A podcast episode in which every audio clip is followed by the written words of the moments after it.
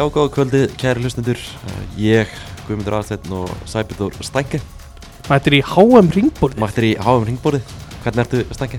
Ég er frábær, skemmtilegu dagur á HM í dag Bara virkilega, virkilega skemmtilega dagur. Mikið um að vera. Tveir riðlar sem kláruðust. Mikil spenna.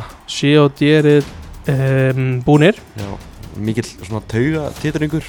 Mikil reyði hjá einni þjóð sérstaklega. Já, mikil reyði, meira um það síðar Mm. Kannski bara minnumst á það fyrst að við erum hérna í bóði Netgyro HM Ringborðið er í bóði Netgyro og jólareikningur Netgyro er komin í loftið. Allt, allt sem þú verslar með Netgyro í november og desember getur þú borgað í, í februar getur kynnt þér málið nánar á netgyro.is Stangið, hvernig finnst þið þessi dýl? Uh, Þetta er áhugaverður dýl Eh, Þeir sem ætla að nýta sér þetta í nóvember verða að drífa sig að gera það fyrir miðnætti Það er náttúrulega, hvað er ekki, fyrsti desa bara á morgun? Fyrsti des á morgun, allir, allir byrjaður að spila jólalög og alltaf, alltaf gera sko. Þetta er gildi náttúrulega í, í nóvember og desember en, en ef þú ætlar að ná þessu fyrir nóvember Nóvemberlokk, þá verður að drífa í þessu í kvöld. Já, við eh, svona gískum á þetta podcast lendi kannski svona um 11 leiti millir svona halvu 11 og 11 þannig að þú hefur svona klukkutíma eftir þetta, þetta podcast lendir Þessi fyrstu hlustendur, þeir eru verða með á nótunum þeir verða með að nöttum uh, Þú að byrja þetta podcast á að heyra í, í Kristni Páli Teitsinni uh, Nei, ég, ég ætla bara að stoppa þig hér Guðmundur. Stoppa Ég ætla bara að vippa okkur beint yfir til Dalmörku Já, Ég heyrði í Frey Alessandri sinni við ætlum að spila það fyrst. Áðan. Já, uh, svona, kannski gefum við svo smá bakgrunn. Danmörk tapaði á múti Ástrali og fjallu leika á hann akkurat, það voru st stór úslit Við kannski ræðum það kannski betur aðeins á eftir. Akkurat, já, við fyrir svo yfir leikin í Þegar við ræðum við Kristján eftir og við ætlum að að heyra hvað Freyr Alexandersson hafði að segja um leikin þjálfari Lingby í Danmörku. Já, já, Freysi Þessi leikur hjá Dalmörku Danir úr leik eftir tapamóti Ástralíu Hvernig metur þetta svona rétt eftir leik? Þetta er náttúrulega þetta sjokk fyrir fyrir alla hérna í Danmörku það sé ekki, ekkert launingumál að menn, menn er í sjokki fyrir liðleiri framistöð uh, á, í gegnum móti og, og hreikalegu múslitum Já, hvað er svona Hvað hefur komið svona mest orð? Er, veist, hvað í spilamennskunni hefur mest vantað upp á með að við, þú veist, EM í fyrir það gekk vel, hvað er það sem að vantar í liðið? Það er eiginlega bara mjög erfitt svona stutti eftir móta að setja fingur á það en það er svona margt sem kemur upp í hugan hjá mér uh, ég upplifði það bæði í aðdraganda mótsins og, og svo þegar móti var nýbyrja í, uh, í og við þennan túnisleik á orkustiði kringum alla mannskapin hvað sem það var þjálfarateimi eða, eða leikminn var mjög lágt uh, og lítið stemning í kringum móti um, mjög mikið negatíft uh, umtali í kringum það að mótið væri spila í, í Katar.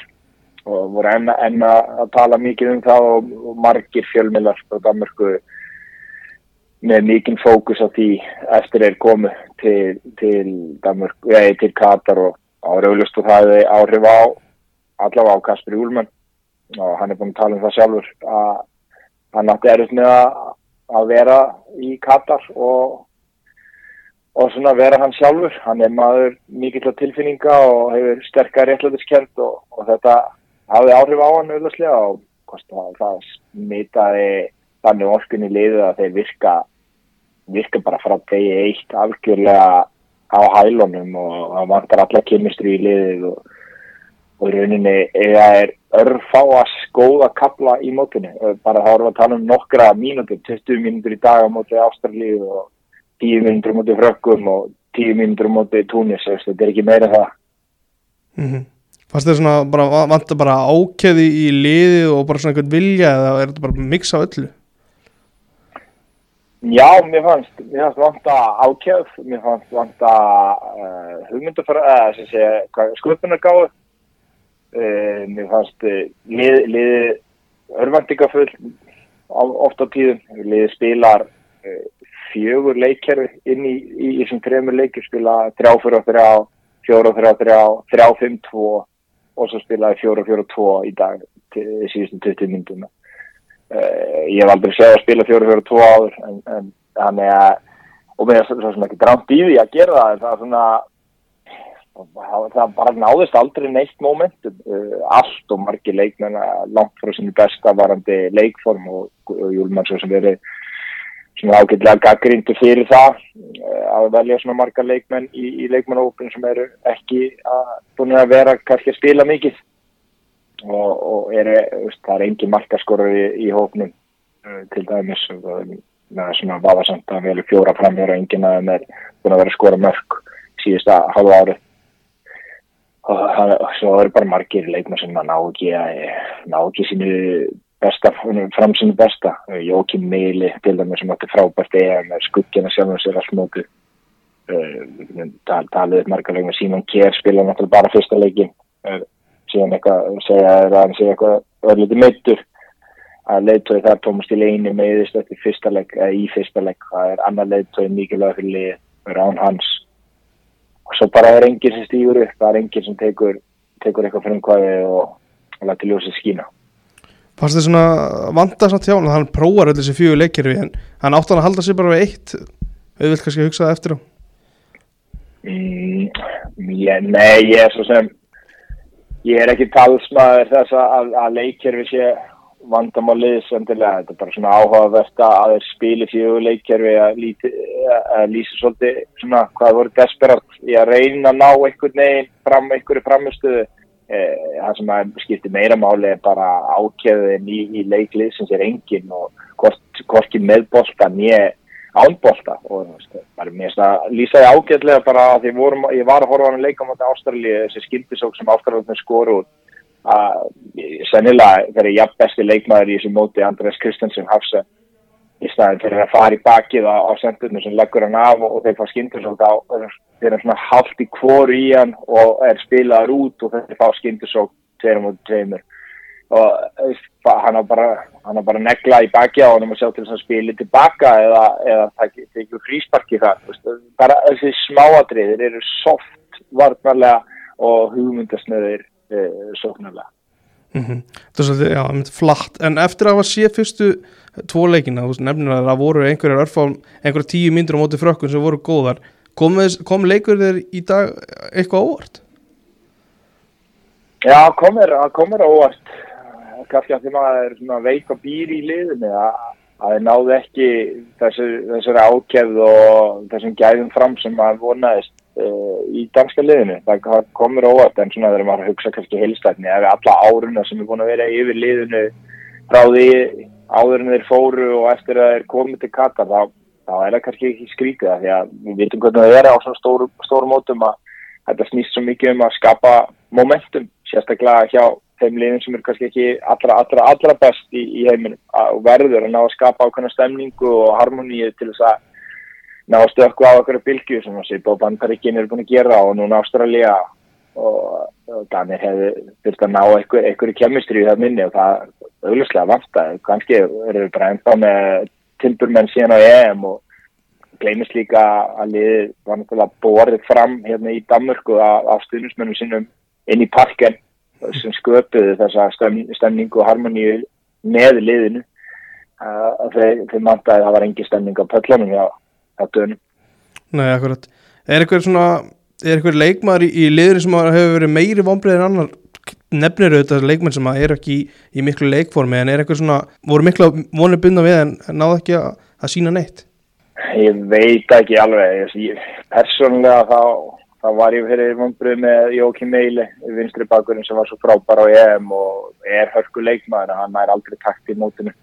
Eh, Kristján Eriksson hann, er ekki, hann er búin að vera frábær á United og náttúrulega geggjaður leikmaður og það er nokkru mánuði síðan ég sá hann spila mútið frokkum í Nations League sem hann var ekki bara besti leikmaðurinn á vellinu, þetta er langt besti leikmaðurinn á vellinu og hann hefur verið skugginn á sjálfum sér eða Nei, annars, annars er það svona heilt yfir bara jafn flatt sko. Mm -hmm. Ég er svona heyrti í, heyrti í háum stofuna þá er Óli Kristjáns svona aðeins gaggrínt, Andrés Cornelius tekur undir þá gaggríni? Nei, ég, ég, það fyrir alltaf eftir hvaða væntinga maður hefur til, til fólks. Cornelius kemur inn í móti, hann er að spila 90 mínútur móti okkur viku áður en hann fer á HM annars var hann búin að vera meittur og spila eitt byggarleik vikuna undan hann er ekki búin að spila neitt hann er ekki í einu standi til þess að spila hæsta leveli mm. þannig að uh, Cornelius í toppformu, já þá, þá getur maður verið skúfaður yfir hans framistuðan ég, ég átti ekki vona að hann myndi brenna eða vera, vera bestum að vallarinn sko, bara út af því að hann er ekki í leikformu sko. Mhm. Hvernig hefur það verið hjá, hjá dönun þegar að Simon Kjær hefur verið vant hefur, hefur hann kannski verið svona ever present hjá þeim og það hefur aldrei reynd á það Ég, það hefur lítið reynd á það. Ég, svona, svo sem ekki með að, að hérna bara að nákvæmlega hvernig hann hefur ekki verið með en ég held að það sé augljóst að að það, þeir hafa fundið fyrir fjárfyrir hans bara varðandi karisma og leitóhæfileika og þess ekki sjarp í þessum leikum móti, móti túnusum Nei, akkurat. Er það, þú veist þessi niðurstað eitt stig og neðsta sett í reilum er er setur þetta einhverja pressu á, á júlmand? Geti, geti þú veist verið kallað eftir hann, veist, afsöknu eða eitthvað svoleiðis? Nei, það held ég ekki. Það kemur gríðilega óvart ef það var eitthvað svoleiðis. Jú, það verið einhverju fjölmjölamenn og, og aðdándur ónaður og, munur gaggrínan núna eftir á fyrir liðsval og og ímislegt uh, varandi það en, en uh, ég held inn í danska knastunnsambundinu það eru þeir sem að ráða á reka uh, ég held að hann sé verulega tryggur í starfi og, og fram á þessu uh, heilmestarmóti þá gæti hann annars gengið á vatni hérna sko, hann, hann skipt einhverjum alveg hvað hann sagði að það var allt rétt sem hann sagði. Já, þannig að ég, ég hef engar ágjur á hans það var meira meira hann sjálfur myndi kannski taka einhverja ákvörðunum um að, að þetta sem það myndi ekki koma með neitt greiðilega orð mm. Já, en hún nefndir þessa umræðu mikið í framvót, það er mikill fókus á einmitt, bara að þetta sé haldið í, í Katar heldur að, heldur að sé einhver eftir sjá hjá fjölmiðlamönnum eitthvað, að umræðan hafi bara verið of mikið þarna? Nei, ég held að það sé, sé ekki eftir sér þeim, kann, kannski á þeim sem eru svona aðalega íþrótta fjölmiðlamenn en það eru rosalega margir fjölmiðlamenn eh, danskir í, eh, í Katar núna sem að hafa kannski ekki beint fókus á knaspinu eh, en er að, er að búið að sé til fréttir úr öllu sem þið komast í.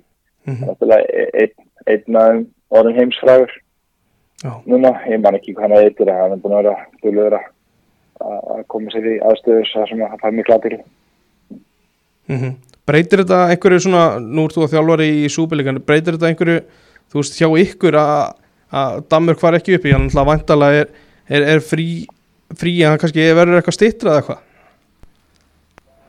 Það er ekki neitt Eh, það er bara það er bara áfram þetta allt og langa frí og hérna, menni það það er þetta breytir einhver fyrir, fyrir akkurat, heldur að Ástralja einhvern sens í, í sérstæðlega slunum? hverju mæta þér, veistu það? Þeir eru að fara að mæta þá liðin í toppliðin í hinlirum, ætlaði að vera þá ekki í Argentina ef þeir klára Pólland. það er ekki sens veist, það er Argentina náttúrulega geggjaður og, og, og mikið stemning í kringu það lið og, og mikið árundum frá, veist, í kringum þessu Suður Amerískuli, þannig að ég, Argentina klára það, en ég vil samt gefa Ástralíu mikið kredit fyrir hvernig þeir eru búin að nálgast þessa leiki og leikin í dag og þú veist, vílit velskipulaður og þá nánast ekki færa á sig í þessu leik það er Mhm. bara, þeir eru algjörlega með það í terskið og svo bara þekktu sín takmörk og voru þólumóður og bara flott, vel að þessu komir Mm Til þess að á mótinu, hvaða lið hefur heitlaði mest? ég myndi segja Brasilia reyðlum með mikið uh, og ekkert eðlilega sterkir varnalega og svona til að með 5-6 leikmenn inn á vellum sem geta unni, unni leik upp á einstæmi hverju sinni. Uh, þegar ég að sé búin að fá sig eitt skot í þessum tveimur leikum Mm ríkala sterkir varnalega og svo hef ég heitlast að bandarinska liðinu. Mér finnst þeir skemmtilegir. Eh, mikil orka og mjög direkt og spila eins og öðru sig heldur en öðru sko liðin og, og það er alltaf skemmtilegt. Þannig að það er ekki um fyrst upp í huga mér er, er, er þessi lið. Er eitthvað lið sem þú heldur með sem er ennþá í kefni?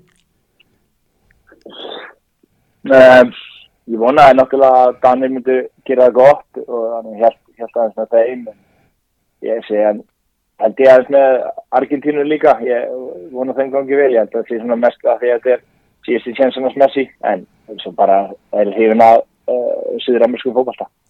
Nákvæmlega, herru, takk fyrir þetta Freysi og gangi er vel með lungbið þegar dildin fyrir á stað aftur. Já, takk fyrir það, að. já, bæ Já, þá, eru- við komni með, með Kristinn Pál Teitsson fjölmjölumann á, á línuna Kitty er í, í Katar að að horfa á HM hvernig ertu Kitty, hvernig er svona bara staðan að þér Herru, staðan er bara nokkuð góð núna. Hvernig að ná mig niður eftir hérna, spennu hérna í, þessu leik og, og bara, já, rosalega loka mín hérna í, þessum setni leikjum. Og hérna, er hérna úti að horfa svona glæsilega auðlýsingaturkin hlýðin á hérna Kalífa-völlinum. En já, bara, já, þetta er, þetta er loka umferð en þetta bara rugglið og hérna, það er bara spenna alltaf, þannig að maður er hérna er alltaf, alltaf í ykkur svona, já, spennu, spennu falla eftir leikina. mm, Hvernig kemur til að þú ert úti í Katar núna? Herru, uh, ég var svo bróðið minn býr hérna með fjölskyldinu sína. Uh, hann er svo giftur hérna ástralsku konu og þau eru búsið hérna og, það verið búsið í sex ár. Þannig að þetta er svona búin að vera svona svolítið á hérna markmiðalistanum eða svona hérna er, ég hef nokkur um heimsóttan, þetta er fjóðaskipti held ég, því- jú, fjóðaskipti hér í Katar og hérna þá svona lág svolítið við að, hérna að bæði að heimsækja fjölskyldu og, og, og sjá háum á saman tíma. Nákvæmlega, hvernig hefur þið náða að fylgjast með mótinu á ert úti? Ertu búin að kíkja á marga leiki?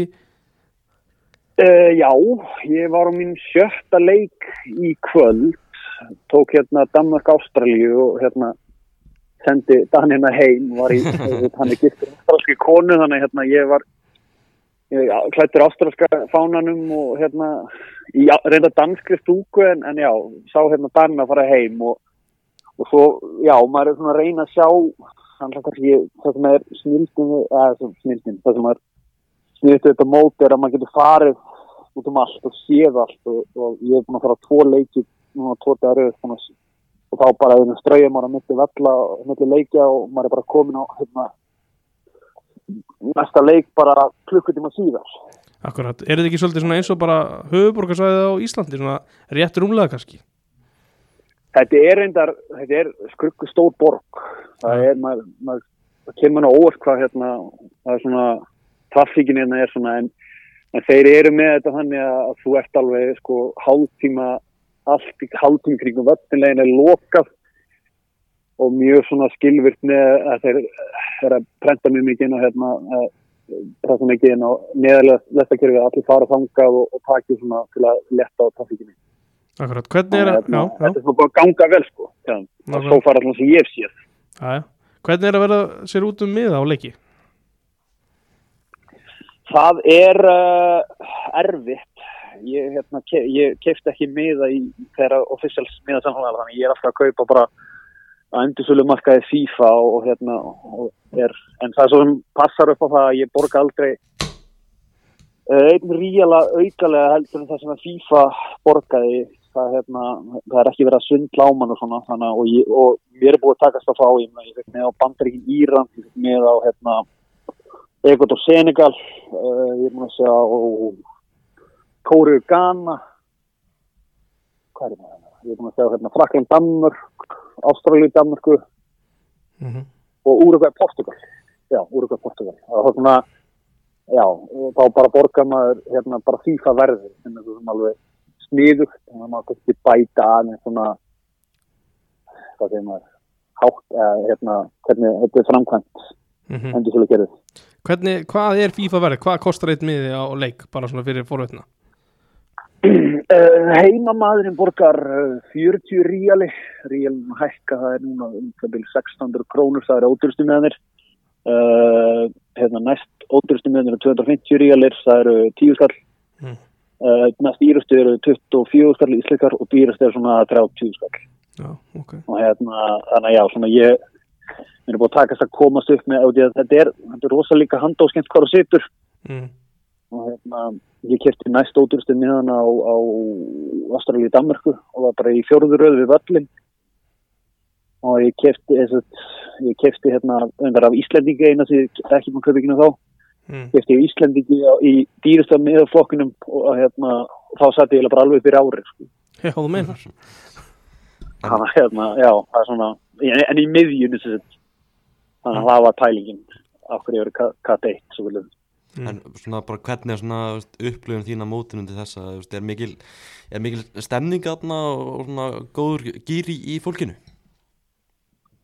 Sko bróðum þessi býrna segir að hann, hann sjáu svona einhvern veginn svona miklu, mi- mikla spennu og hérna og ég svo sem ekki búin að fara mikið niður í bæ og svona. Ég fór eitt kvöld hérna eftir að Marokko vann Belgíu og þá voru Marokko menn alveg bara já, syngjandi, trólandi, trómandi og hérna bara ótrúlega stemmingi þeim og markastorginu Súkva Kýf sem er svona megin hérna aðdraftrafl eða Dóha svona meeting point svolítið í miðbænum. Og hérna maður sé mikið myndböndum að það er fólk að hittast og, og hérna og syngja og, og já bara eins og eins og hérna eins og þekkist á stormútum og þá koma til fólk saman og, og hérna bara að syngja og hafa gaman og svona. Mm hérna, já, mér, mér sýnist það svona áfengisbannið sé allan ekki svo, allan áfengisbannið sé ekki svo mikið að, hérna, hafa áhrif á, á gestina. Það er hægt að, er hægt að finna bjór einhvers þar Já, já, já, já, það er hérna, það er þetta eiginlega bara, ég hef aldrei séð skilvitt kerfu í fansónu, mm. það eru svona, það eru svona 200 starfsmenn að taka mútið peningum og 200 starfsmenn á dælunni, þannig að þú ert svona eina að fá bjóriðin og hérna, bara frá því að lappar inn í rauðin eftir eða bara komið strax að. Þannig að hérna, það er alveg miklu betur en á öðrum stórmótum séð að skilvirknin á fansónun allan að. Hva- hjá, hjá hvaða þjóð sem að þú er farið að leika og er svona mesta stemningin og hvað leikur já, hvað, hvað var mesta stemningin? Uh, það var á bandaríkin Íran. Það var náttúrulega, það er opaslega mikið saga þar á bakvið og hérna og og ég ætla ekki að, já, bara, veist, ég var ekkert smeykur en maður svona var smá, var um sig ég hitti uh, Írana sem var sem sagt, bjó í bandaríkjum, búi í bandaríkjum og búi batsaldur kvöldi áður og hérna stefnaði hann. Mm.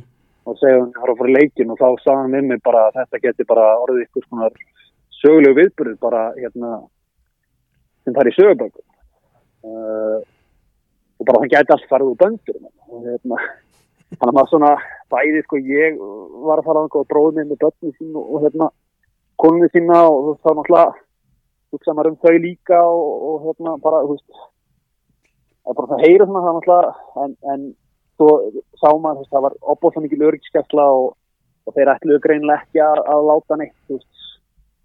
Og náttúrulega búið að, já mikið reytaði rætt um, um Íran og hérna mótmælinn sem átti stað í, tengstu þetta mót og, og það var greinlega löggan ætlaði einhvern veginn að reyna að, að stoppa veist öll skilti og svona það var alltaf að tekið og hérna og svoleiðis. En, en sko stemmingin í Íranu voru ótrúlega veist, það var ótrúlega mikil kraftur í Íranunum sem hérna voru mættir. Og hérna og kaninn og alltaf hann hann syngja og, og tralla og, og eru bestir í soccer. Þannig að það já, það var svona, það, það var svona kannski mest svona hvað segir maður, þú fannst mestu svona spennunu í loftinu. Akkurat. uh, bæ, bæði líka hérna, stjórnmála sögu þessara landa og hérna allt sem hefur komið upp á síðan 20 ár þá, svona, þá fannstu bara að það var spenna í loftinu á leiðin og öllin og hérna já, það var svona kannski mesta stemmingin og svo náttúrulega, já og ógsta gaman að sjá ég hef mjög gaman að senigólunum sem hérna þáttur ekki sjómarfinu voru dansandi þau bara dönstuði streit í þrjá tíma það var bara sama hvort það var markið ekki það var bara haldið takt í dansinum það var alveg það var alveg bara mjög skemmtilegt að sjá það sko mm. hérna þannig já, nú, já, maður að reyna bara að sjá það sem að það sem að sér ekki heim á Íslandi. Uh, lönd, en lið frá hérna Þjóður Ameríku, Afríku Asíu og hérna og með uh, Ameríku, Akkurat. Ástralíu. Akkurat, hvað hérna þessi leikur í, í dag, hvernig, hvernig fannst þér þetta? Herru, þetta var, ég er náttúrulega, sko, bróð, minn giftur inn í ástralskvöldskinn, ég er hérna, held með ástralíu ég var svona að reyna þess að, hérna, tempra væntingar hjá, hjá börnunum hans á leiðina á leikina þegar Danni væri um heldur góður. Það byrjaði illa en, en ég fannst eða bara, já, allir Danni því spjallaðu leiknum voru bara eitthvað, þetta, þetta er bara fullkona veðskuldu, bara Danni gátt ekki neitt, mm. sögðu við mig. Og hérna, já, bara, þú veist, byrjuðu vel fyrstu 20 mínutunar og einhvern veginn svona, og held kannski að þetta væri bara, þeir væri að fara að hafa það, en, en hérna, Ástralinni bara voru með það veginn. Hvernig maður stegur það? Bara ég tek að bara heilsugun undir þetta Já, sko bara fullkomlega samlað því sko Daninir bara gátt ekki neitt í þessum leik sko Nei, ekki neitt sko Mér vantæði bara alltaf að örgja sig í þá. Það var veginn, það var ekkert eins og þetta væri upp á, upp á 16 múlið. Það var bara svo hálfgeir eins og bara einhver æðuleikur. Já, er svona, einhvern veginn svona gegnum mótið var svolítið þannig sko Já, þegar ég fór að hengja bolti upp á súktar, þú veist, það bara, hann var svo klettur, hann bara, ég hef aldrei síð annað eins, sko, það, það ég held að, hérna, já, þú veist, bara spila alveg ekki hendur mér á afstráðinu, þeir, þeir fóru eins svona þryggja manna línu hann eða svona 20 minnir eftir þegar Danni voru komið með 2 cm upp á tó, voru samt að reyna að háu boltana en hann bara, þú veist, hann á bara hvern einasta bolta, ótrúlega, sko. Búin að vera frábæri sístu tveimur leikjum Bara einn af svona mönnum mótsins hinga til Harry, Harry Sútar Já, algjörlega sko, Svo, já, bara 100%. mm. Það er galið að hann hafi gerðið maður leksi sko, það er hérna, er bara, já, hann fara allavega mitt aðkvæði í mannleksi saman Já, og bötu þessi byggarinn.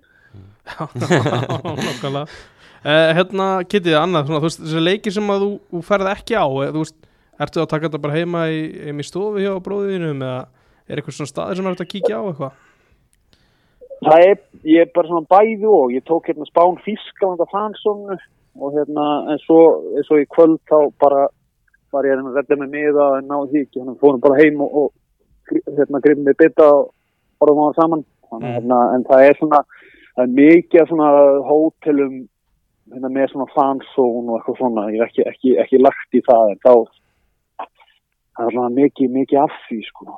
Akkurat, hvað ætlar að vera lengi úti? Uh, þetta er átta daga reysa heldur, já. Ég fer heim bara, ég fylgist með hérna Ástralíu, Argentínu og flugvöldunum Já, og hérna kem heim á, á, á helgina. Það er svona, já, þetta er hérna, ég er með núna, ég er miða laust ef það reynum veru, hérna, er að reyna svona að redda mér einhvers svona loka, loka nikka á, á leikjum. Þannig að sjá Japanna eða hérna Albæt völlin sem er í eðumörkinni hérna tjaldi. já, Þannig að maður er svona að reyna að, að velja eitthvað eitthvað skemmtilegt í. Alla, mér langar allan að sjá brassan. Það er hérna það er eitthvað svona bara veist, maður við erum svo að tala um í fyrstum fyrir háum byrjir ekki fyrir brassarni kom háum, þeir eru háum mm. Þú með einhverja uh, fleiri spurningar á, Kitty? Bara svona, bara svona lokum, Kitty, hvaða liði heldur að verði heimsmeistari? Já uh, einhvern veginn sko ég, ég held að Arkinni var úti þegar sátumurinn og svo eru sátumurinn að fara heim og Arkinni áfram og einhvern veginn svona maður held og þeir fá Ástralíu, ég mann hvað þeir fáið áttalega en er þetta ekki einhvern veginn bara það sem var örlögin að að Messi takk þetta. Já, ma- það er einhvern veginn voðalega klassísk svar sko já, bara klassíska frakkarnir lítið þú veist, tóttir að reynda að tapa þetta frakkar, spánverjar, Argentina, Brasilia Já, það eru svona þessi fjögur lið. Svona, ég sé ekkert annað svona annað einhvern veginn í fljóti bræði mm. Veist, hérna, já. Að þessi bara upplifun að, að vera á HM er ekki bara búið að vera bara svona heilt yfir? Þetta er bara búið að vera bara geggjaði það ekki? Uh, jú, ég náttúrulega fór á, á hérna, HM 2018 á Úslandi með Íslandskanastlinu og þá svona hérna í tengslu við vinnuna gasta ekkert alltaf tími til að svona setjast niður og taka inn mm -hmm. bæði leikina og hérna og bara kraftið og, og svona, já sjá bara og sjá fleiri leiki. Maður er einhvern veginn var alltaf bara upp, eftir leik upp í rútu og hérna af stað aftur til til Gabadinga þannig að það var svona líka í þess að geta séð séð, þú veist, bara fullta leikum því að næstir þetta náttúrulega í hérna Mexiko, Kanada og, og Bandaríkinn þar sem þú getur ekkert hort á meirinn bara eitt leik í einu, eitt leik á dag. Ekki, ég veit ekki, ég man ekki hvort það gefur þetta að vera eitthvað meiri York og allir en, en það er allt bara alltaf eitthvað svona flug þar á milli leiki og svona. Mhm. og man ekki hvort að mjög tæm sem að tala um að þetta getur þetta getur verið sniðugt einhvern veginn fram til svona 150 stormót og hérna það Lond, þannig að það er ekki til London þetta, þetta er náttúrulega þetta er náttúrulega, já þetta er mjög áhugast að vera með þetta allt svona á sama stað. þetta býður upp á ímsa mögulega og ég held að því að fyrir fjórir einstaklingar sem eru fyrir social media influencer sem eru að fara alla leikina ekki, bara ég hjálpi þeim sko. Það er hérna er mikið já, það, það er held ég of mikið að taka 64 leiki á 28 dögum. Það er rosalega mikið. Það er bara já, það er held ég bara of mikið sko. Mm. Og líka eins og, eins og hérna stundum er alveg klukkutíma keisla á millu sko, þannig að þá ertu bara að taka fyrsta, fyrsta leikin eins og núna, þá ertu bara að taka fyrsta kortir og svo bara upp í bíl og og af stað. Mm nákvæmlega. Nákvæmlega, erðu getið bara takk kjærlega fyrir að, taka síman og njóttu vel hann að síðustu dagana í, í Katar. Já, takk fyrir það.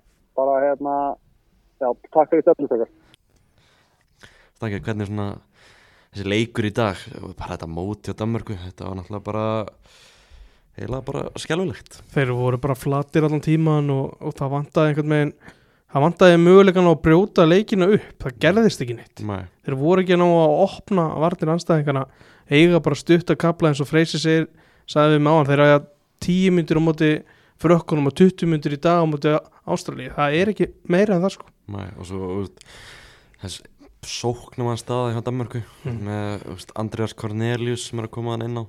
Launasti leikmaður dönsku úrastildarinnar Já. Ég held að sé óvægt að setja hann í bara flokkur vestu leikmenn mótsins, kannski bara Já, hann að er- allra vesti sko. hann er einn af þeim allra vestu því miður fyrir kapan Já, fyrsti leikur hann á móti, móti Túnis.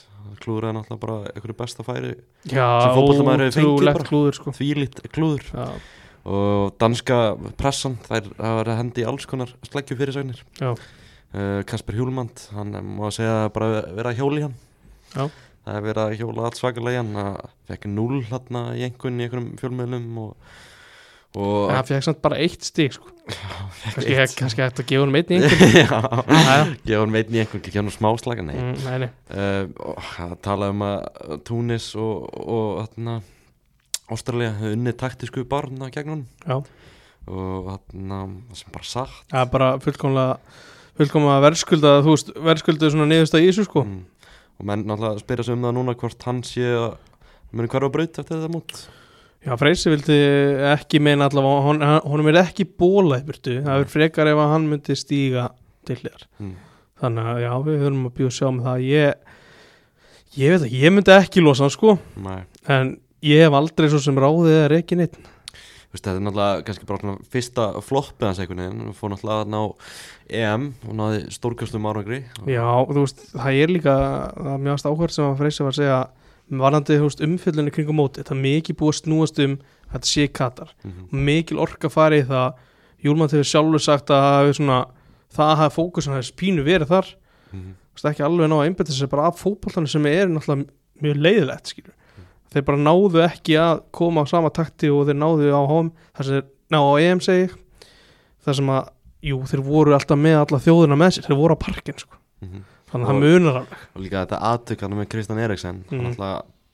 eins leiðilegt að það var þá hjálpar það það, kannski það bara þjappar sko. þjappar hópnum öllum saman og, og fá það svona hugafar vilja gera þetta fyrir Mm. hann og það er náttúrulega kannski skrítið að segja það það hjálpaði mér í mótinu að komast eins langt og þeir gerði Akkurat, þeir eru ekki með, þú veist, Thomas Delaney dettur út í fyrsta Mm. leik Damskart er ekki í, í bara í nógu góðu leikformi og mei- Mele var bara ekki svipur og són sko. í markinu í dag hann lítur ríkalega út sko. Já, og svo voru þau líka ekki, þú veist, og svo er Simon Kjær ekki með en það er líka, þú veist, það er annað sem að var var á EM sem var ekki núna þar Andreas Kristins sem var mikið að stíga upp inn á miðjuna og vera bara djúpur úr varnalínunni, það var ekki að gerast í þessu móti Svo voru þið líka með á EM, þá voru þið með Mikael Damskart sko, sem var í algjöru toppform ég segi það, hann er ekki í, í forminu núna, Hann sko. er ekki í neinu form sko. hann var hann munar um það mjög slappur okay, og Júsef Pólsen er eitthvað megin ekki aðna Já. inn í þessu og, voru það svona binda vonir og Andreas Skó Olsen hann Já. sem gat ekki neitt sko. nei, hann átti eitthvað að kapla í dag en svo fljótt svona fjár undan því sko. með það sem ég sá frá hann með smóti þá myndi ég alveg setja hann í hennan flokk með Cornelius hann sko. já, Já, en danskalið gríðarlega vombrið á þessu móti maður svona taldi fyrirfram að þetta væri eiginlega bara sjálfgeð að þeir myndi, Danur og Frakkar myndi fara upp á þessum riðli já, ég held alltaf að þeir færi upp úr sko. Já, en þú veist Ástralinir verðum líka að gefa þeim kúdós. Sútarinn maður við, hérna, það, það geggjaði ekki sko. Verðum eiginlega að tala um hann bara fyrir Elvar sko já, Elvar búin að svona Elvar gæti ekki komist í kvöld en hann baði okkur um að tala um John Sútar uh, Harry Sútar. Harry Sútarinn Harry Sútar, sinn mann John, já, Já, John. Sútar, ég held að sé ykkur annar John Sútar en, já, já, en já, já, uh, Harry Sútar hann var algjörlega geggjaður í þessum leik hann hatar ekkert að gól, uh, kemur eitt góðu falli á bolti Nei, þá er hann í toppmálum sko. Daninu voru bara bjóðanum upp í dans sko. hann er náttúrulega klettur í vörninni og hann er á, hann er á flottum staði í stók var hann til svo gott sem Einar Rödd sagði þetta hann var bara eins og kongur í ríkisinu já, hann, bara eins og, hann var líka bara eins og einsmanns her á köflum sko, Mm. allt í burtu sko. Þessi þú veist, fyndi sagði ykkur skoti með þykasta skotska hreim bara sem ég hef heyrt mm. í ástralska landslinu hann hef aldrei komið til Ástralíu held ég.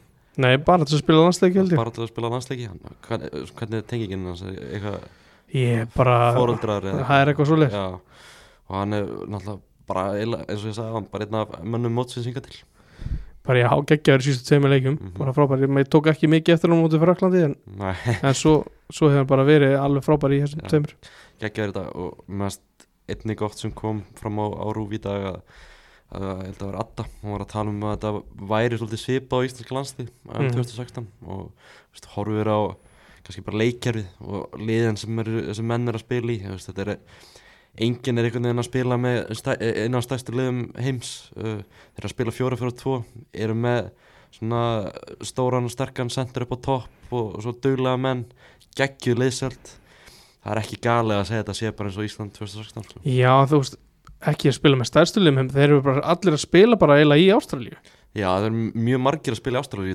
Einhver í Skotlandi, jú? Já, tak, margir í Skotlandi líka einn, einn í Þískalandi já, já, Mér finnst eiginlega best samt að að annar af strækjurinn meira Mm. mm. annar af tveimur strækjurinn meira er að spila í japansku bjetilni já, er, það er enda mjög gott. Er á þessu ári búin að skora 8 mörk í einhverjum 37 leikum í bjetilni í Japan. Já, raða inn þar bara. Þessu finnir sko, ber saman sko, þá ertu með í Danmarku Barcelona þú veist, Leeds, Manchester United mm.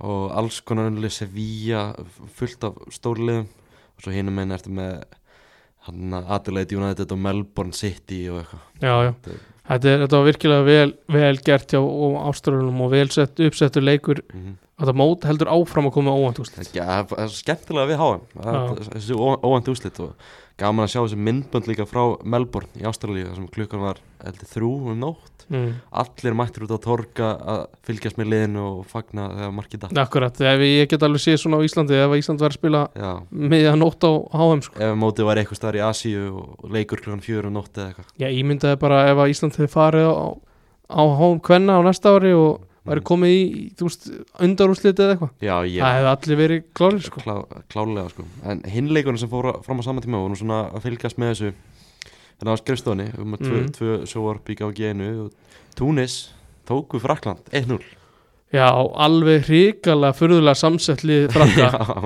Ég, þegar ég var að horfa á bara uppsetningu á liðinu, kam að vinga í vinstri bakverði fóð fana hann á, á kantinu með miðjun, þetta var bara þetta var bara samansarfn af einhverju fannst mér. Sjá mann hann Kólo Moani hann við Já, vitum ekkert hver það er sko.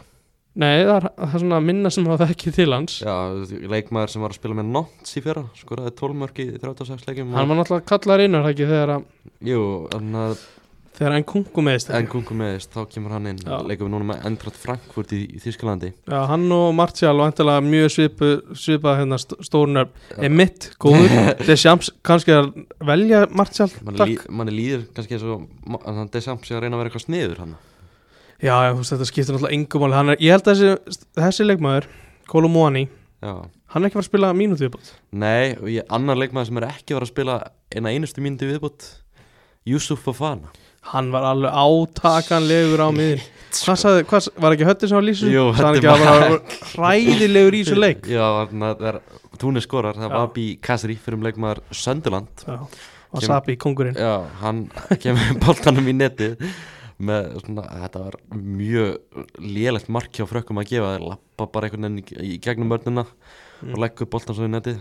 Yusuf Fofana í þessu marki hann fyrsta lagi tapar boltanum og svo er hann eitthvað að rífa kjaft hana eldir ekki tilbaka Já, og fær svo marki grilli bara ríkalegt Þetta var mjög samfæra Það var alveg klálega samfæra til sem sem að hann ætti að fá að spila næsta Nei, ég, ekki En ég, þú veist, ég skráði samt meira á sem að bara, þú veist á, á þessa uppstillingu heldur en þessa framistuðu leikmanna ég veit ekki, þessir gæjar, þessir 11 Mm.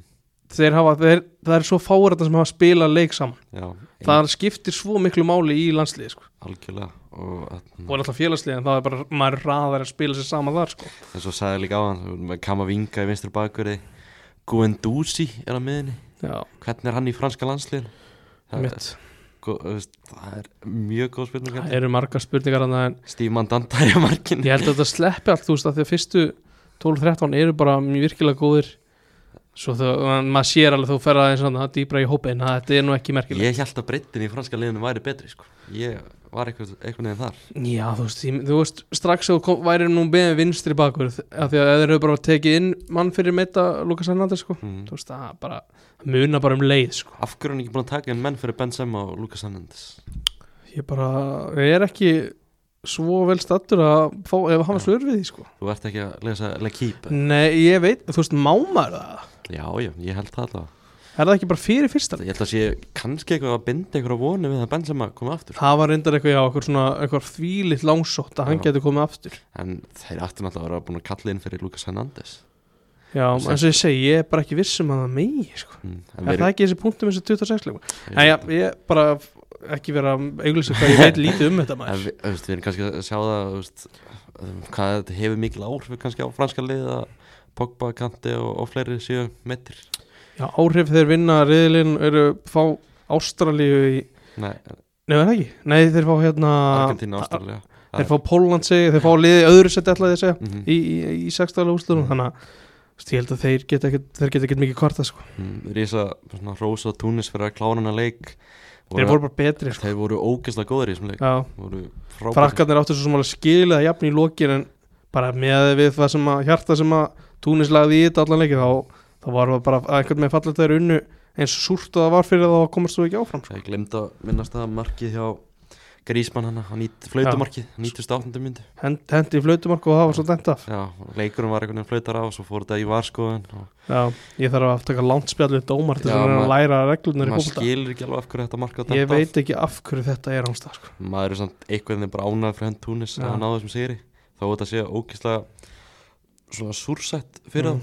En er þetta ekki bara þegar við erum hana Er þetta ekki sama ástæðan og af, og, og, og af hverju hérna markið hjá Real Madrid var dæmt á móti Leopold Þetta er ekki viljandi viljandi snerting eða Jú, eitthvað? ég að fá bara En veist, hann, fyr, hann er alltaf að reyna skallan sko. Já, ég bara, já, já, ég veit það ekki. Þetta er kannski betra að aðrir vá. reglunar á, leik- á þessum fallega leik. Algjörlega. Um, Og þetta líka skipti engum máli. Með þetta skiptir svona mengum bara, já eins og ég segi gaman fyrir Túnis að vinna hana leik þó þetta hafi ekki fallið með þeim í, í lokin. Þeir eru vantilega búin að byggja ansi sterkt já, til aðri máttuvalda að Danni myndi nú jafnana leik sko. já, þú veist, þarna, þessi ástraljuleikur lítur að sitja mikið í það þannig að jætturmandi Danmörk og vinna Frakland og komast ekki áfram. Það er ókysla leðalegt örgulega Já, um, Frakland vinnur hennar reyl og eins og segir mæta þá og Ástralja endar í öðru seti og mætir Argentín og Akkurat eins og Freysi sagði þá á Ástralja ekki séns. Nei, það er ekki sér uh, og það sem enginn bjóst við fyrir mót að Danmörk endar í neðsta seti er sagt með eitt stík Já, þetta er alveg ótrúlega uh, svo voru tveir leikir að klárast núna bara rétt áðan. Um, það var svona, ekki kannski jafn mikil dramatík en það var samt alveg dramatík. Það var talsveit dramatík í þessum leikjum báðum Mm. en það var mjög rólegt í fyrirháleik Já, krimaður eða svona, þú veist, það var auðvitað að vera að sækja en það var ekki svona, var ekki svona spenna komin í mann, sko.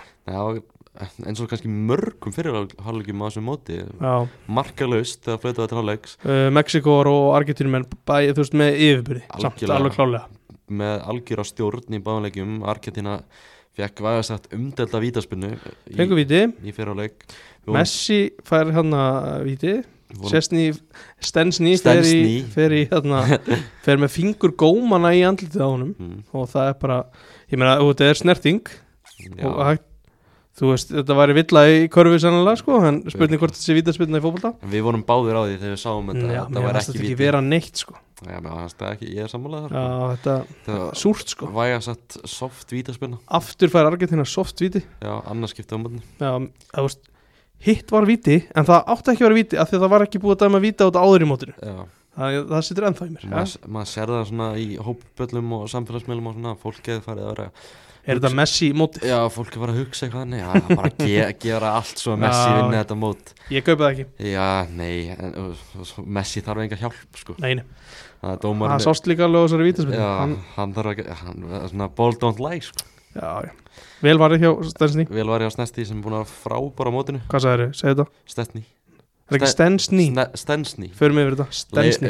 Lefa bara hött á magg að sjá um þetta Jú, með framburinn á hreinu Wojciech Stensny. Uh, Svo fór allt bara í gang hérna í upphafi fyrir uh, setnáleik Herðu, já, bara opnaði slóðgáttir á hvað fyrstu tíu bara? Báðum leikjum uh, Alexis McAllister uh, með svona óargentinskasta nafnbara sem ég hef heyrt uh, Alexis er nú Alexis er alveg argentinsk McAllister er ekki Alls minna. Alls ekki. Uh, hann skora þannig mark um, ekki Nahuel Molina sem var sendinguna fyrir út í tegin og hann er það einn. Hitti boltan ekki almennilega. Nei, þetta var, eh, sko, hvernig boltinn fer af fætinum af Alexis McAllister er, það er svona, það er einhver snúningar sem ég bara ekki oft séð, sko. mm, Það er rosalega hvernig, hvernig hann flöktir eitthvað með henn já. Og, og Stensny nær ekki að verja.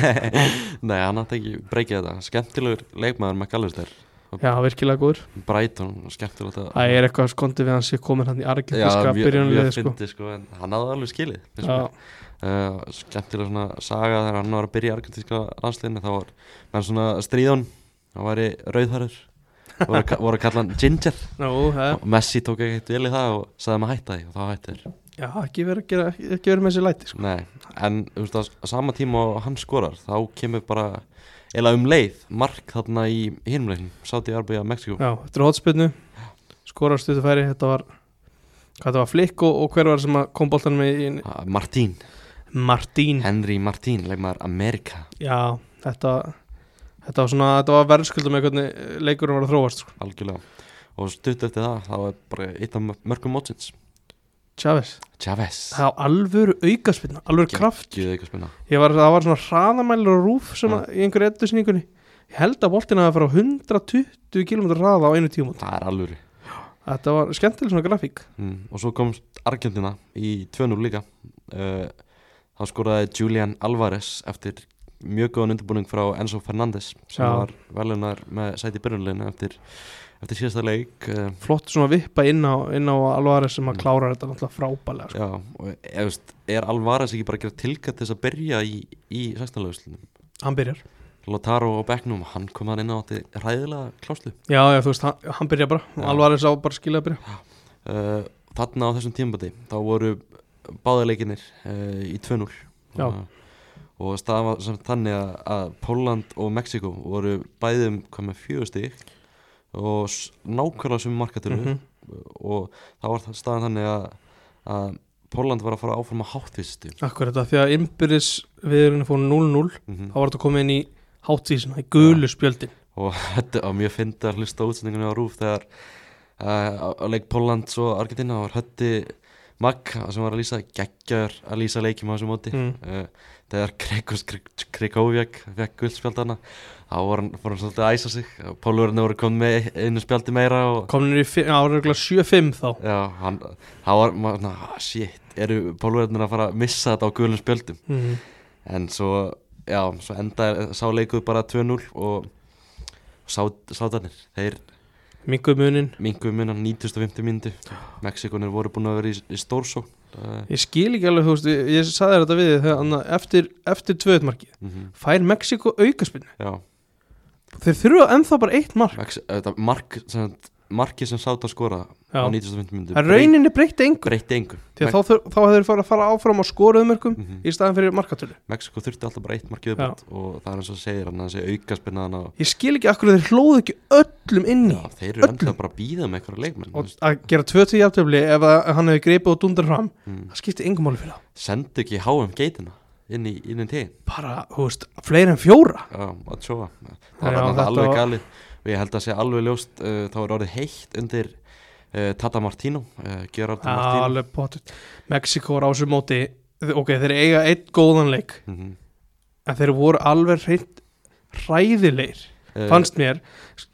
Sko, ok, hræðilegir er svolítið stórt, stórt á hann, mér fannst þér hvernig þeir tækluðu það þegar þeir lenda undra mot Argentínu það fannst mér alveg mjög lélegt. Mhm. þú veist, þeir eru það er svona hálftími eftir að leiknum og þeir reyna í rauninni ekkert þess að því þeir eru með boltan þeir leggja engan kraft í sóknuleikin Eng, taka enga sens að auðvitað meðvitað um einhverja markatölu vantala sem að er bara mjög súrt upp á móti að gera. Mhm. og á móti Pól, Póllandið það var náttúrulega ekki góður leikur en þeir voru svo sem betra lið en Pól, Pólverðarnir Já, ég held að bara fínt að Mexikonir séu dotnir út sko. Já, mér fannst þeir að þú veist, þetta var eini leikur þar sem að þeir voru virkilega onnit En á sama skapi, pólverðarnir fara áfram upp úr þessum reyðli og þeir eru bara búin að vera slakir í öllum leikunum Eh, Ég held að það sé bara nánast í 270 mínútur. Já, þeir voru, í dag voru þeir bara þeir voru ekki inn á vellinu sko. það það var ekki gott að horfa á þetta sko. kannski förum yfir þetta veist, þessi fyrsti leikur á mútið Mexíkó bara þeir voru verra liðið þar. Í hundlegum leik. En hefði getað rænt í með skoru víti skilur Já, Lewandowski á Tjóa, Háangetinn, hann Mm. varði það. Uh, Sáti Arabia Þar voru sátanir bara betri sko. já, já, þeir voru það og þú veist, þeir tapa leiknum á í rauninni bara einhvernum einstaklingsmistökum já, þú veist, þeir klikka á víti og þú veist, auðvitað þú þarft að verja vítin og allt það en þú veist, pólverðinni voru bara einhver, þeir eru einhvern veginn þraukuð í gegnum þann leik mm -hmm. komið sér í gegn þann leik Mm. og í dag, þetta var þeir hefði getað tapað svona sjön já, þú veist, Lothar Martínez átt að skora þeir, Messi fekk dauðafæri til að Já, skora já. þú veist, Messi klúðraði vítasmunni líka. Mm. allavega hefði þessi leikur getað farið 5-0 Stensni var náttúrulega lang bestur á vellinu Já, og ég held að Pálvera geti bara þakka fyrir það að vera með hann gæði í markinu. Já, Hann já, er bara hann kom þeim í 16 úrslitin Já. og þeir fara sem betur fyrir vonandi ekki lengra en það. Nei, og ég held að þetta er kannski bara eins með Ástralana og Pálveruna ekki sjens held ég í 16 lega Já, nema þú veist, ég, ég einhvern veginn, maður er bara betri tilfinningu fyrir ástralum, það er meira svona underdog veginn feelingur Já. og, og þeir eru búin að gera þetta vel. Já. Þeir eru ekki búin að vera lélegir í rauninni í 270 myndir, sko. Pálverunir fengu ekki eitt færi í dag sko.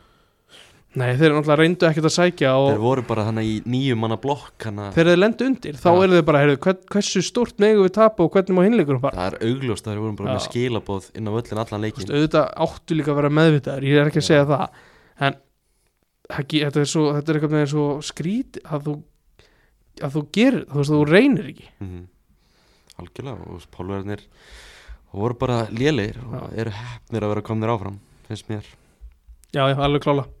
En núna er svona línur farnar að, farnar að skýrast Við erum komið með fyrstu fjóra leikina í, í 16. úrslunum Mm. uh, Holland, Bandaríkin, Argentina, Ástralía Þessi leikir eru á laugardaginn Og á sunnudaginn eru Frakland, Póland, England, Senegal Svona fyrirfram þá eru þessi leikir Svona annar liðir Svona síðustranglar Já, myndirðu segja það? Ég myndi segja það alveg. Er það er endar í lang flestu leikjum, er það þannig? Já, en það er svona eiginlega afgerandi í öllum þessum leikjum Já, ég myndi segja það líka. Hvort þið séu stranglega uh, Ert að sjá þú veist, Þetta mót er búið að vera fullt af óvæntum úrslitum Ert Mhm. að, að sjá svona óvænt úrslit í kortunum hana Í þessum 16 lega hinga til Mm, nei, ég get ekki sagt það sko Þú veist, Ég veit ekki, þú veist, geta pólverðarnir Þeir eru, ok, nú, nú er það mútið frökkum Þeir eru mjög góði frakkarnir Mhm. En, en ein, á einhverju lígi eru pólverðar komnir í þetta land sko. Já, Þú veist, ge- gæti það haldið áfram? Ég er helst að sjá svona að bandaríkin eða Senegal getur komið ávart en það hefur náttúrulega gríðarlega áhrif á senegalska liðið að Idris Gana Gay er í banni. Senegal á mútið eng, englendingum? Já, Já, jú, jú. Veist, það er Senegal er með ógisla flottan þjálfara og gott lið en þetta ennska lið er, Já, ég, er- ég er eiginlega meira sammálaði með bandaríkin. Ég veit að ég hef eitthvað ég veit skil ekki þessa trú sem ég hef á englendingum. Það er bara svo massífir, þú veist, ég get alveg séð þetta fara í framlengingu, en ég heldur klárið alltaf, sko, mm það hafi þetta. Hollendingarnir, þeir eru búin að vera leiðilegir á mótinu. Já, þeir eru búin að vera svolítið eitthvað með taktískir og, og svona taktískir, það vantar eitthvað alveg svona er, gleði og fleiri í þetta, sko. Þetta er bara Louis van Gaal 2015-16 United sko. Já, þá máttu ekki senda tilbaka, þú veist, það máttu ekki taka neina sem það máttu ekki senda fram á því, ég sko. held að markatalandi því tíum hafi bara verið eitthvað 48-38 eða eitthvað. Já, það var skemmtilegur. Það var mjög skemmtilegur. Bandarska lið er veist, kraftmikið og, Mm. og spennandi.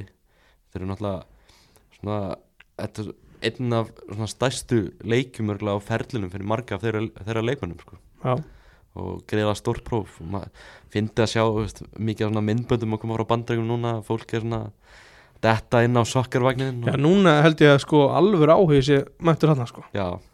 Og, og, veist, svo verður þetta náttúrulega held ég að- Þetta er á lögadaginn þetta er á lögadag Það hefði verið agalegt þetta að vera á sunnudinu þá hefði verið svona 0% áhorf út á ameríska já, sko. þetta er bara geggjað með Núna fá þeir, fá þeir einhver og við fáum kannski að heyra meira hana It's Called Soccer. Já, nákvæmlega. Það er eiginlega eitt besta chant mótsins. Uh, Tveir síðustu reyðlanir Þeir klárast að fjóri síðustu reyðlanir minna Þeir Mhm. klárast núna á, á morgun og á föstudaginn Tveir síðustu leikdagarnir. Tveir síðustu leikdarnir í reyðlakemni mm. mm uh, Áhugaður leikir á morgun klugan þrjú. Uh, all, all, Alltaf svona annar þeirra Alltaf mjög áhugaður Kroatia Belgia Já, það er bara það er mjög spennandi að sjá það. Ég held að við getum fikið enn eitt svona frekar daufa fyriráleikin og eitthvað aðeins skriti í setni sko. Ég er að vonast til því. Belgarnir eru þannig í þannig stöðu að þeir þurfa að vinna hana leik uh, jafntefli, þá eru þeir nánast alveg bókað að þeir séu bara át á uh, mm ég held að Marokko sé ekki fara að tapa mútið Kanada. Hvað veit maður, þú veist, núna er Kanada alveg pressulust, gætur þú veist, dóttið smá hefni og inni jafnvel bara 2-0, 2-3-0 sko. hva, Nei, nei, ok, þetta er smá hérna mjög ólíklegt. Það er því gaman að sjá það. Ekki að segja þetta er smá spenni í þetta. Jú, já, ég held að, ég held að en sko að, að fyrir Marokko að vinna Kanada, það er ekki auðvelt verkefni. Þetta Marokkoska lið kanadíska lið er líka búið að heldur gott en mm. þetta lið frá Marokko það er búið að mjög Já, mjög massíft, við fórum yfir það síðasta sunnudag. Mhm, og þeir eru bara, þetta lið er bara ofbúslega vel mannað. Mhm. þannig að, en Belganir, það eru alls konar vandamál í gangi þar. Já, heyrðu, það er náttúrulega svo mikið, nú í dag var að rifja upp að það er náttúrulega ekki gott á milli Courtois og hérna De Bruyne og Já. sko það er alls konar vesen í gangi, Lukaku er að þurfti ekki verðtongin að stíga á milli, eða var það eitthvað annað? Lukaku, Luka, Lukaku þurfti að stíga inn á milli hann er að róa menn niður Já, já, það er bara það eru eldar sem að kannski er þetta hvar kveik í þeim kannski er þetta komið þessir eldar að kveik í þeim og Courtois er eitthvað hóta því að svo sem er að leka upplýsingum til fjölmjöla að hann fá aldrei að spila aftur með eitthvað. það er ekki góður andi í belgunum núna. Ég, ég er að sjá lítið annað í kortunum að þeir fari bara heim á morgun. Þú veist, gróðandi lítur bara vel út um þetta í Kanada, sko. Já, ég held að veist, þeir eru vel peppari að klára hann er bara að vinna hann. Mm. og belginni fara heim held ég það getur vel farið þannig. Gæti vel farið þannig. En svo er uh, þínu menn í Þískalandi Já. Þeir eru að spila annarkvöld á móti Costa Rica og saman tíma mætast Japan og, og Spán. Mm. uh, Þjóðurinn þurfa að vinna þann leik. Þeir eru í svona svipaðri stuðu á belganir uh, Fá kannski aðeins auðvöldari leik En þeir Já, þurfa þeir fá alveg hróttalega lélega Kosta Ríka Mm. en sko, En þeir, Costa Rica vann Japan. Já, í versta leik mótsins, þegar ég, þú veist, það er samt deila ótrúlega þeirra að vinna það, sko. Mm, Þeir þeir áttu eitt skot á markið? Þeir hafa átt eitt skot á markið í öllu mótinu? Shit, hvernig ert þú Hvernig ert þú svona sem þjóðuri stendur fyrir leiknum? Fyrir á morgun, leiknum morgun? Já, Það var auðvelt 3-0 3-0 Fara- Jafnvel stærra, sko. Og, og þjóðurinn fara áfram þá? Um, Það, það þurfa, að treysta á, á spánuna Japan, ef Japan vinnur þann leik þá eru þjóður úr leik. Já, hann er uh, þá er það marketala. Uh, Og 3-0 er það ekki nógu eða? 3-0 en og Þeir fara áfram. Þeir fara áfram. Uh, heldur að, að þinn maður fullkrúk muni byrja? Fylgkrók já, Mennur það? Já, ég meina það. Um, hann mun já, jú, ég held að byrja heldur hann byrji, Já. það væri gaman að sjá það. Já, ég held að þú veist, það meikar í lenga sens að láta hann ekki byrja sko. mm.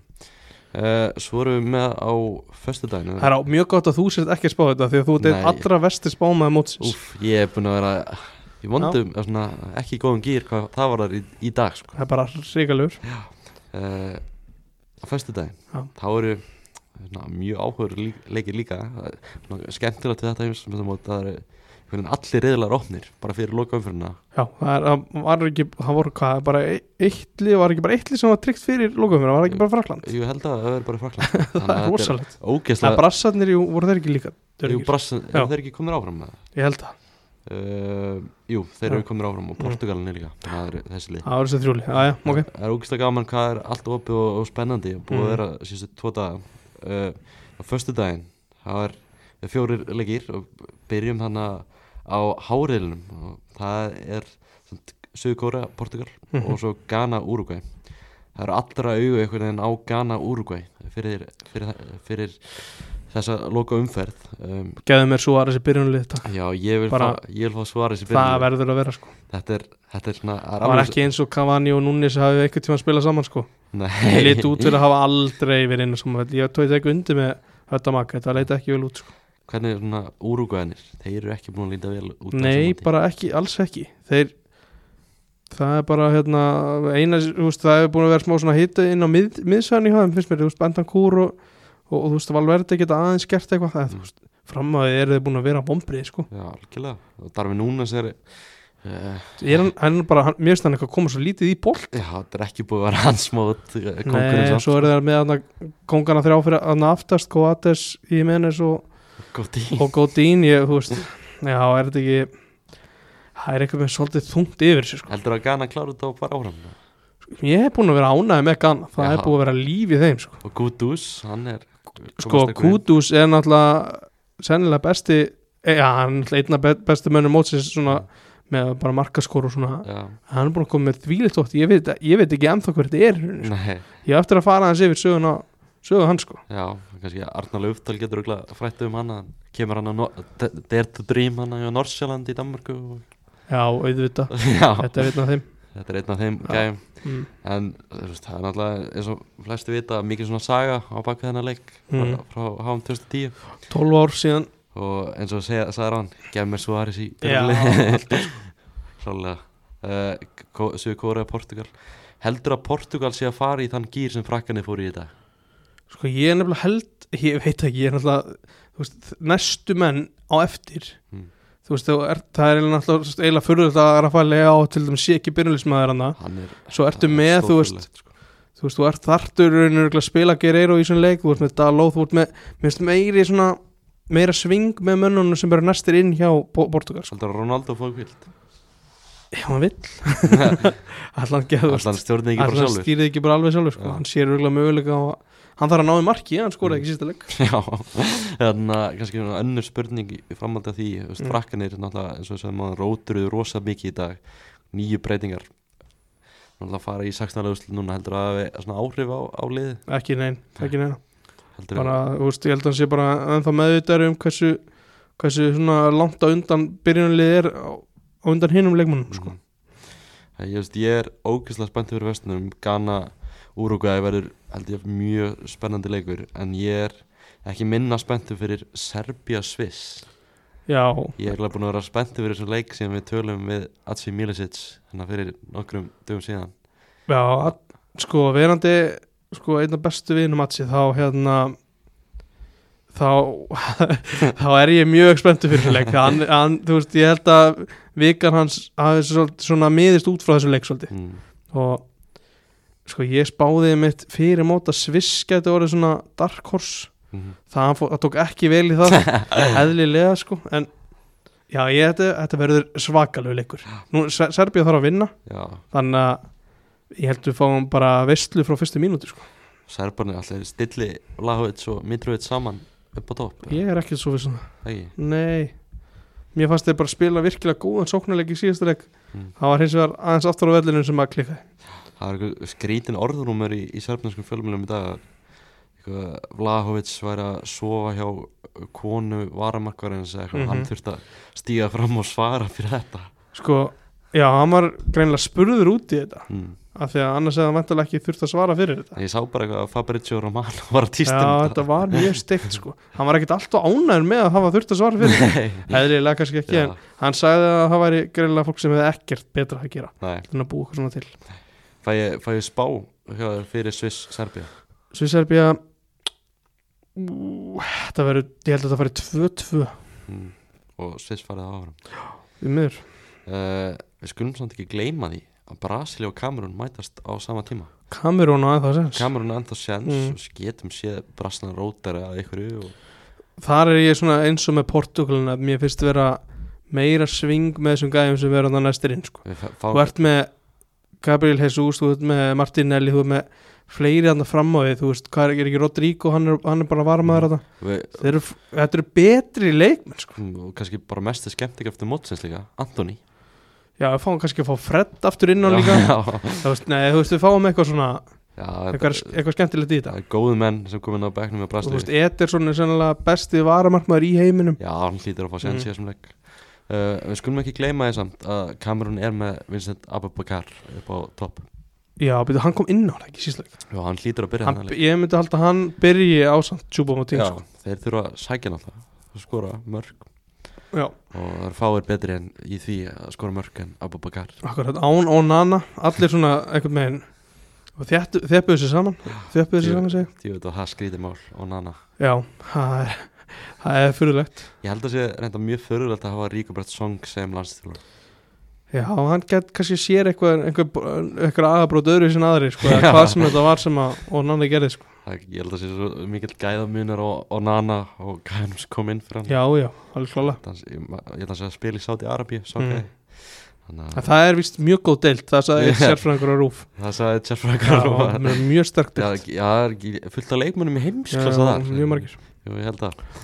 Uh, Er eitthvað meira sem við þurfum að fara yfir? Er þetta ekki bara Ég held að þetta sé orðið nokkuð gott. Já. Jú, Ben White var náttúrulega Já, fór því. Það Ben White, miður Englands var að fara heim. Mm. Þetta var náttúrulega vakti nokkra aðtegli í kvöld. Það var gefið út bara rétt fyrir leikina sem hófust kljóðan 7 Hann er farin heim af persónum ástæðum Já, og ekki búist við að hann komið aftur Nei, móts við ennska hópin það er, já, persónlegar ástæður það, það er hægt að gefa sér að það sé leiðilegt mál Já, og Þannig að, maður tók líka bara eftir hvernig svona Arsenal taklaði málið á akkurat. samfélagsmiðlum Svo skrifuðu við fæslu að við erum öll með þér Mhm. Ben, þannig að maður svona gefur sér það þú veist, fyrst hann, þetta er náttúrulega það sem öllum leikmönnum dreymur um og já, maður gefur sér það að þetta sé uh, gríðarlega alvarlegt mál fyrst Já. hann er að fara heim og leikur er ekki að því að hoppa í burtu þarna sko Nei. Hann er ekki að fara heim af því bara sko. Nei, nákvæmlega.